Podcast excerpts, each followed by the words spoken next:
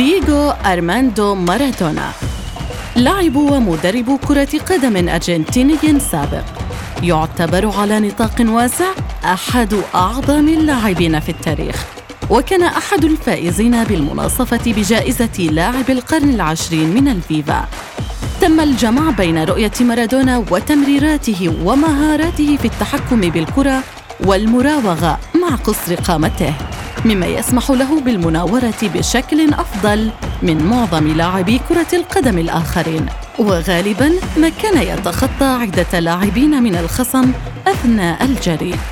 كان لوجوده وقيادته في الميدان تأثير كبير على الأداء العام لفريقه في حين أنه غالبا ما كان يتم تمييزه من قبل الخصوم بالإضافة إلى قدراته الإبداعية. حيث كان يمتلك حس تهديفي كبير وكان معروفا بأنه مختص في الركلات الحرة. وكان مارادونا موهوبا منذ الصغر وقد حصل على لقب الطفل الذهبي وهو الاسم الذي ظل ملازمه طوال مسيرته المهنية.